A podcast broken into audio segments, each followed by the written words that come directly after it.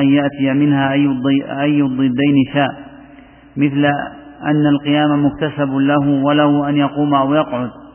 وإذا كان معنى معنى تفسير الحمد لله رب العالمين وصلى الله وسلم على نبينا محمد وآله وأصحابه أجمعين.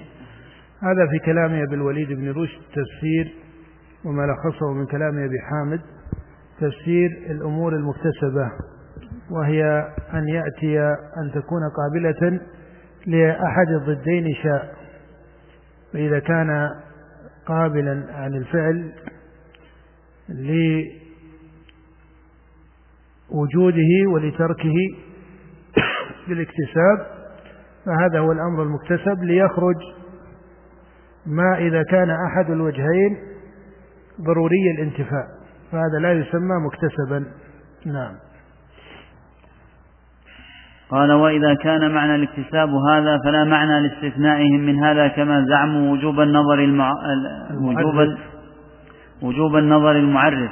إذ لا يمكن فيما زعموا قصد إيقاعه طاعة قبل المعرفة بوجوبه لأن وجوب النظر كما سلف من قولنا يحصل ضرورة لكون المنظور فيه معلوما بالضرورة. نعم هذا دليل وجوب النظر في أصح طريقة متكلمة الأشعرية أنه يحصل أن وجوبه معلوم بالضرورة وتعلم أن وجوب النظر هو الذي عليه أكثر متقدم المتكلمين وهو مذهب المعتزلة. وقال أبو الحسن الأشعري وأصحابه أو أكثر أصحابه قال أبو الحسن وأكثر أصحابه إن أول واجب على المكلف هو المعرفة. وقالت المعتزلة كما سبق أول واجب على المكلف هو النظر. وقال بعض المعتزلة كأبي هاشم الجبائي إن أول واجب على المكلف هو الشك إسقاط النظر الأول الضروري ليكون مكتسبا في ابتدائه وقال القاضي أبو بكر بن الطيب الباقلاني من كبار أصحاب أبي الحسن إن أول واجب على المكلف هو أول جزء من النظر. وقال بعضهم ونسب هذا القول للقاضي أبي بكر أيضا إنه القصد إلى النظر. وذكر أبو عبد الله الرازي محمد بن عمر الرازي بأن وغيره من المتكلمين بأن هذه الأقوال الخلاف بينها لفظي وأنها مبنية على ترتيب الأسباب والمسببات. ومن قال إن أول واجب النظر باعتبار أنه السبب ومن قال المعرفة باعتبار أنه المسبب أو تقول المقدمة وإيش؟ والنتيجة فإن الأشعرية وأصحابه لما قالوا المعرفة يقصدون بذلك المعرفة المتحصلة بالنظر. ومن قال أول جزء من النظر فهذا بناء على أن النظر درجات. فهي أقوال عند التحقيق واحدة لا تخرج عن معنى واحد. والذي عليه أئمة الحديث وأئمة الفقه أن النظر ليس أول واجب على جميع المكلفين. بل النظر وجوبه إذا قام سببه. فيكون مشروعا في حق بعض المكلفين إذا قام سببه. وإلا فإن معرفة الله سبحانه وتعالى من حيث الأصل جملة المعرفة جملة فطرية. وهذا معنى قول النبي كل مولود يولد على الفطرة. ولهذا ترى أن الله لما بعث الرسل مع أنهم خاطبوا مشركين إلا أن الأنبياء عليهم الصلاة والسلام الرسل لما خاطبوا المشركين كانوا يدعونهم إلى الإيمان بالله. وكان النبي صلى الله عليه وسلم يدعو العرب وغير العرب إلى أن يقولوا لا إله إلا الله وأن يشهدوا أنه لا إله إلا الله وأن محمدا رسول الله عليه الصلاة والسلام. وما دعا العرب إلى وجوب النظر ولا إلى المعرفة وإن كانت المعرفة حقيقتها الشرعية أول أصول المعرفة في التكليف هي مسألة الشهادة. الإيمان والشهادة بتوحيد الله سبحانه وتعالى وشهادة أن لا إله إلا الله كما تعلم متضمنة لربوبية الله. متضمنة لربوبية الله فإن قولك لا إله إلا الله هذه الجملة هي جملة المعرفة التامة فإنها متضمنة لعبادة الله وحده لا شريك له ومتضمنة لإيش؟ لربوبية الله ولهذا لا يصح أن يقال إن الرسل عليهم الصلاة والسلام ما تضمنت دعوتهم مسألة الربوبية هي تضمنتها ولكن لما كان جمهور المخاطبين يقرون بجملة الربوبية ولا يقرون بأدنى رتبة من تحقيق العبودية لله سبحانه وتعالى إلا في بعض عوارض أحوالهم. كما قال الله تعالى فإذا ركبوا في الفلك دعوا الله مخلصين له الدين. فلما كان الشرك ظاهرا فيهم في عبادتهم لغير الله ويقرون أن الله هو الخالق إلى آخره ابتدأت الدعوة بهذه الصفة. ولهذا من كان مؤمن من كان ملحدا لا يقر بربوبية الله سبحانه وتعالى يدعى إلى الإيمان بربوبية الله. لكن النبي ما دعا العرب ونحوهم إلى أن يؤمنوا بأن الله هو الخالق؟ لما؟ لأنهم مقرون بذلك. ولهذا لما حاد قوم بعض الأنبياء عن هذا الأصل إلى تأثير خلق الله على الحقائق والكونيات وهي من خلق الله كما في قوم إبراهيم لما كانوا يجعلون للكواكب وللعالم العلوي تأثيرا وتدبيرا في العالم السفلي تجد أن دعوة إبراهيم عليه الصلاة والسلام تضمنت هذا المقام من مسألة الربوبية. أليس كذلك؟ وفي قول الله سبحانه وكذلك نري إبراهيم ملكوت السماوات والأرض وليكون من الموقنين فلما جن عليه الليل رأى كوكبا قال هذا ربي فلما أفل قال لا أحب الآفلين إلى تمام قوله سبحانه وتلك حجتنا آتيناها إبراهيم على قومه فإبراهيم صار له مع قومه صفتان في الدعوة. كانوا يعبدون الأصنام وفعل ما فعل بآلهتهم وقال بل فعله كبيرهم هذا فاسألوهم إن كانوا ينطقون. والتفت عليه الصلاة والسلام إلى ما عندهم من الشرك الآخر في مسألة الكواكب وما يعتقدون الصابئة لها من التأثيرات وهذا من أثر الفلاسفة الأقدمين. فأيضا خاطبهم في هذا الباب فخاطبهم في باب الربوبية بمقام وخاطبهم في باب الإلهية بمقام. لكن لما كان مشرك العرب لما هم عليه من الفطرة الأولى ولم تدخل أرضهم الفلسفات التي تتحدث عن هذا الباب وإنما دخل عليهم أثر عبادة الأصنام وأخذوها عصبية جاهلية آه، وتمييزا لقبائلهم وشعوبهم. لما كانت على هذه الدرجة من العصبية أو الأحلام حتى يكون الشعوب في غير العرب لما كانت على هذه الصفة آه، ما كانوا على منطق عقلي يكافئ مسألة الإيمان عندهم عند عند العرب أنفسهم. ولهذا ما احتيج في خطاب القرآن إلى بيان فساد عبادتهم للأصناف من حيث المنطق العقلي الذي يعتمدون عليه في تصحيحهم لها فإنهم إنما كانوا يجعلونها على هذا المقام على نوع من العصبية ونوع من الحمية لجاهليتهم ولدين آبائهم وأجدادهم. وإلا ليس عندهم تسبيب توهموه عقليا لصحة هذه العبادة. هذا الذي عليه غالبهم. ولذلك ما كانوا يعتبرونها على الحقيقة صادقة. ما كانوا يعتبرونها على الحقيقة. ولذلك كما قال الله عنهم قال فإذا ركبوا في الفلك دعوا الله مخلصين له الدين مما يدل على أن الذي يعرفونه في قلوبهم ليس هذا.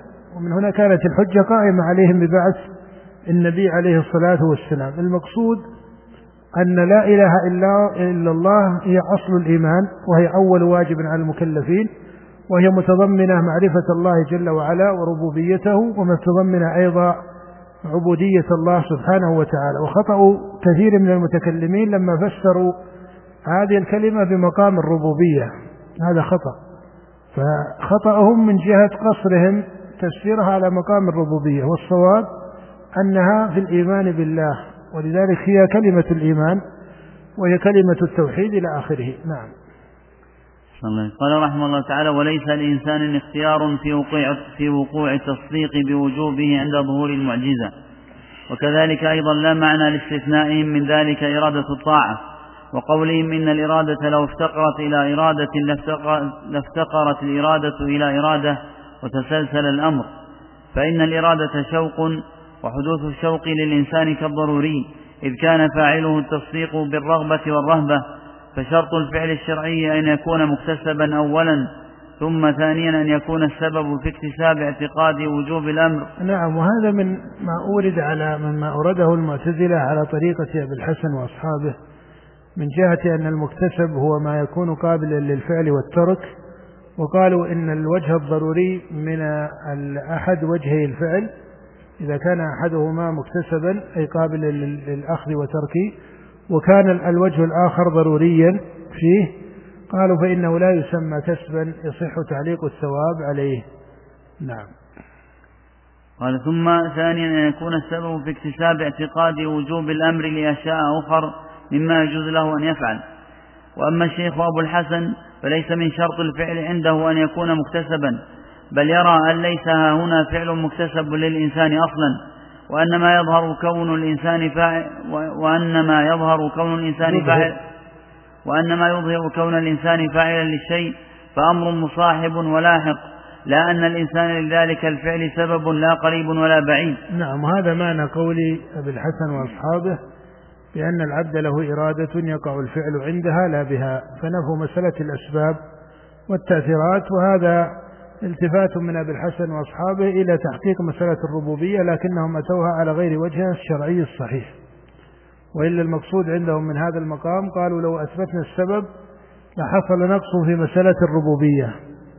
ومقتضى كمال الربوبية أنه ليس هناك سبب مؤثر وأن التأثير هو لمطلق ومحض إرادة الله سبحانه وتعالى ومشيئته. لكن تعلم أن هذه الأسباب هي من خلق الله وليس ثمة سبب مستقل بالتأثير. ليس ثمة ليس ثمة سبب يستقل بالتأثير. نعم.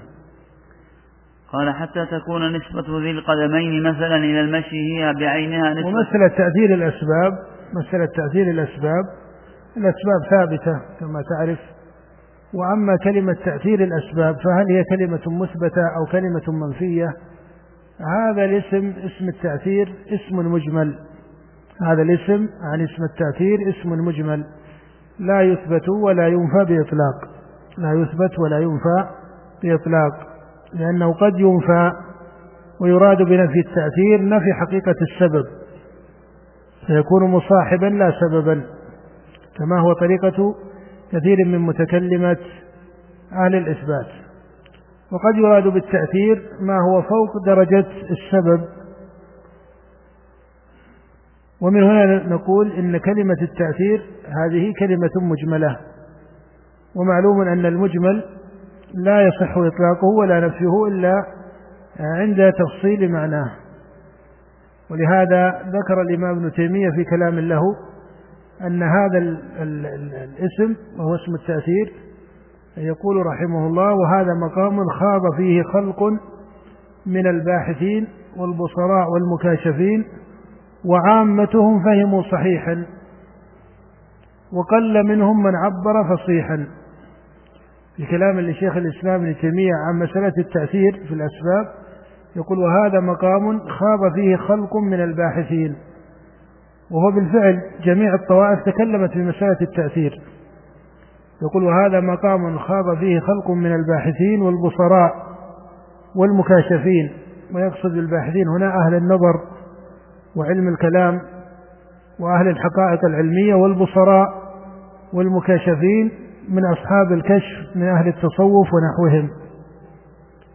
قال وعامتهم فهموا صحيحا لأن مقتضى الفطرة ومقتضى العقل فضلا عن مقتضى الشرع يقود إلى حقيقة مناسبة لتصور السبب في خلق الله سبحانه وتعالى. قال وقل منهم من عبر فصيحا. ولهذا وقع في كلام كثير من أعيان النظار وأعيان الصوفية اضطراب في مسألة الأسباب والتأثيرات. نعم. قال حتى تكون نسبة ذي القدمين مثلا إلى المشي بعينها نسبة العادم للقدمين وهذه مخالفة للحس ورأي غريب جدا عن طباع الإنسان.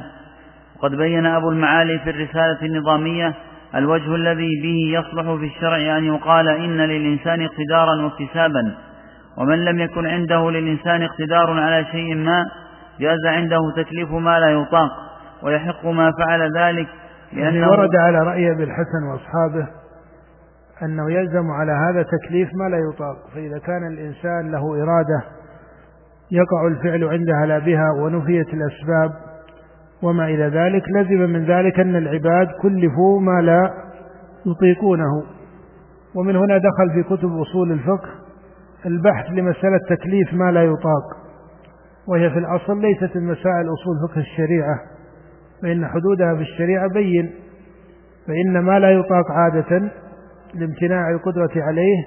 هذا ليس محلا للتكليف. كيف وما هو محل للقدرة عادة جعله الله على وفق الاستطاعة المعينة المصاحبة للمكلف. أنت ترى أن الله سبحانه وتعالى يقول لا يكلف الله نفسا إلا وسعها فاتقوا الله ما استطعتم. فإذا كان هذا فيما الأصل فيه أنه محل للقدرة والاستطاعة كما قال النبي لعمران بن حصين صل قائما فإن لم تستطع فقاعدا فكونه صلى قاعدا هذا في أمر الأصل فيه عادة القدرة على إيش؟ القدرة على القيام.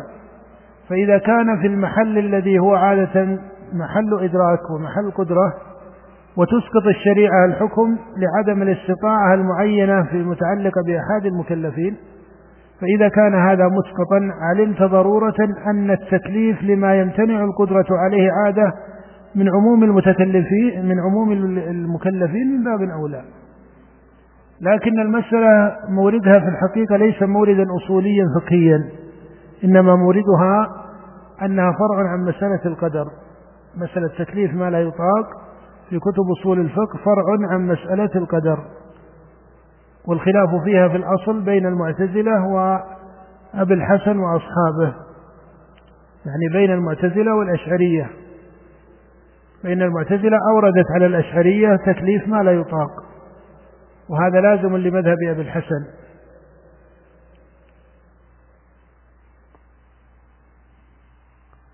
ومن هنا قال بعض متكلمة الأشعرية بأن السؤال يرد على المعتزلة في مسألة العلم وذكروا قصة بلهب وما إلى ذلك. نعم. قال جاز عندهم تكليف ما لا يطاق وبحق ما وبحق ما فعل ذلك لأنه ليس على رأيه هنا شيء يطاق الرسالة النظامية لأبي المعالي إمام الحرمين وهو من فقهاء وعلماء الشافعية ومما كتب في فقههم وأصولهم وله في أصول الفقه كتاب أو كتب في أصول الفقه أشهر الموجود منها وكتاب البرهان لأبي المعالي الجويني وله كتب في الاعتقاد في في مسائل علم الكلام. عند أصحابه ومن أخصها كتاب الإرشاد وهو مختصر وأوسع من الكتاب الشامل.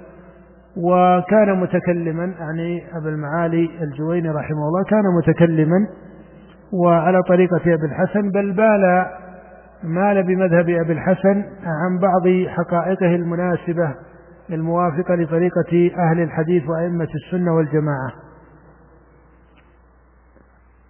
لأن أبا المعالي قرأ ونظر كتب المعتزلة وتأثر ببعض نظريات علم الكلام في كتب المعتزلة التي كان الأشعري يقصد إلى المباعدة عنها. ولذلك شاع في كتبه مسألة الصفات السبع مع أن الأشعري وقدماء أصحابه كالقاضي أبي بكر بن الطيب كانوا يثبتون غير الصفات السبع. الحياة والكلام والبصر والسمع والإرادة والعلم والقدرة. فهذا استقر في كلام أبي المعالي وأمثاله ممن تأثر ببعض طرق المعتزلة حتى طرد هذه الأصول. ثم صار لأبي المعالي آه، قصد إلى الإعراض عن علم الكلام بعض الشيء والتفت إلى طريقة السلف الأول وامتدحها في كلام له في الرسالة النظامية وبين أن طريقة التأويل هي طريقة المتكلمين وأن طريقة السلف هي طريقة التسليم والتفويض. ومن هنا صار يثني على هذه الطريقة لما في نفسه من مقام القصد إلى اتباع السلف لكنه أخطأ التحقيق. فإن طريقة السلف ليست هي طريقة التفويض ليست هي طريقة التفويض كما تعرف. نعم. قال والذي ينبغي أن نقولها هنا أن تكليف ما لا يطاق ممتنع عقلا وشرعا كما نعرف اسم مجمل.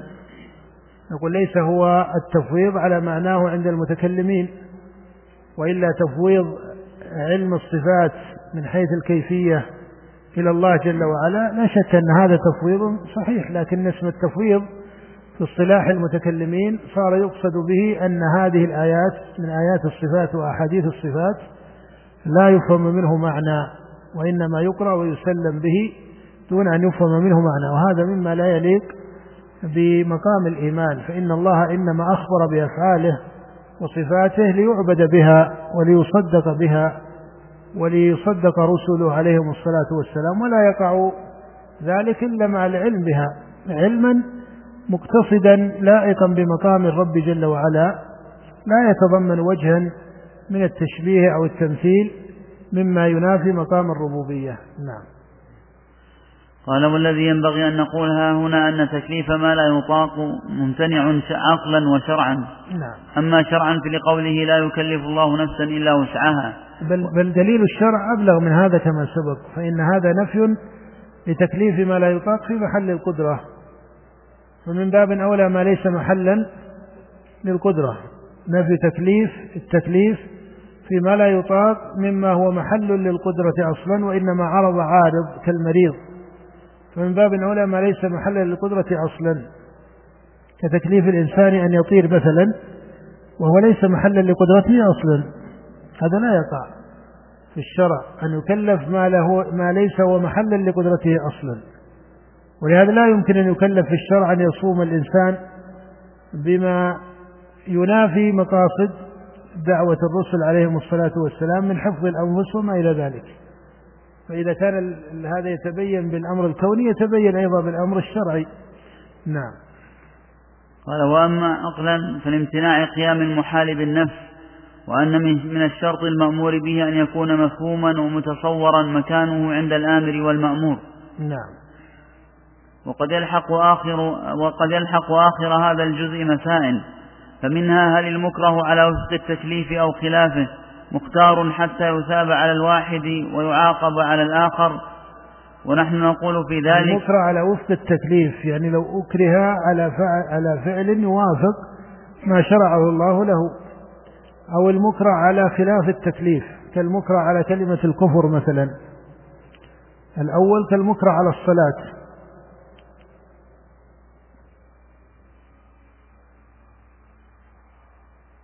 والمكره على دفع الزكاة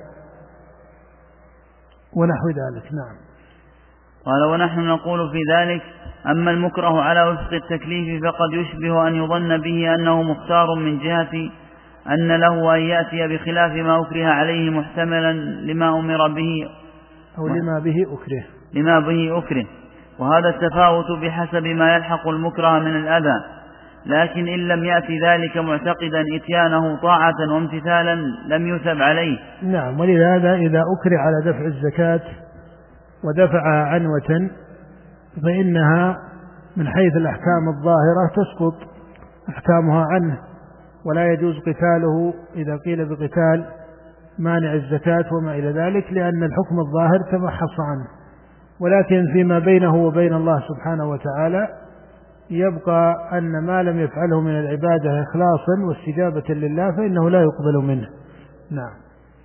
قال فإن اعتقد ذلك أثيب عليه وإن كان سبب تحريكه إلى الفعل الإكراه فإنه إذا أخذ في الفعل واعتقد يعني ولو انقاد مستجيبا ولو كان ابتداء السبب هو الإكراه فإنه يثاب على ذلك ولكن عمله يكون ناقصا.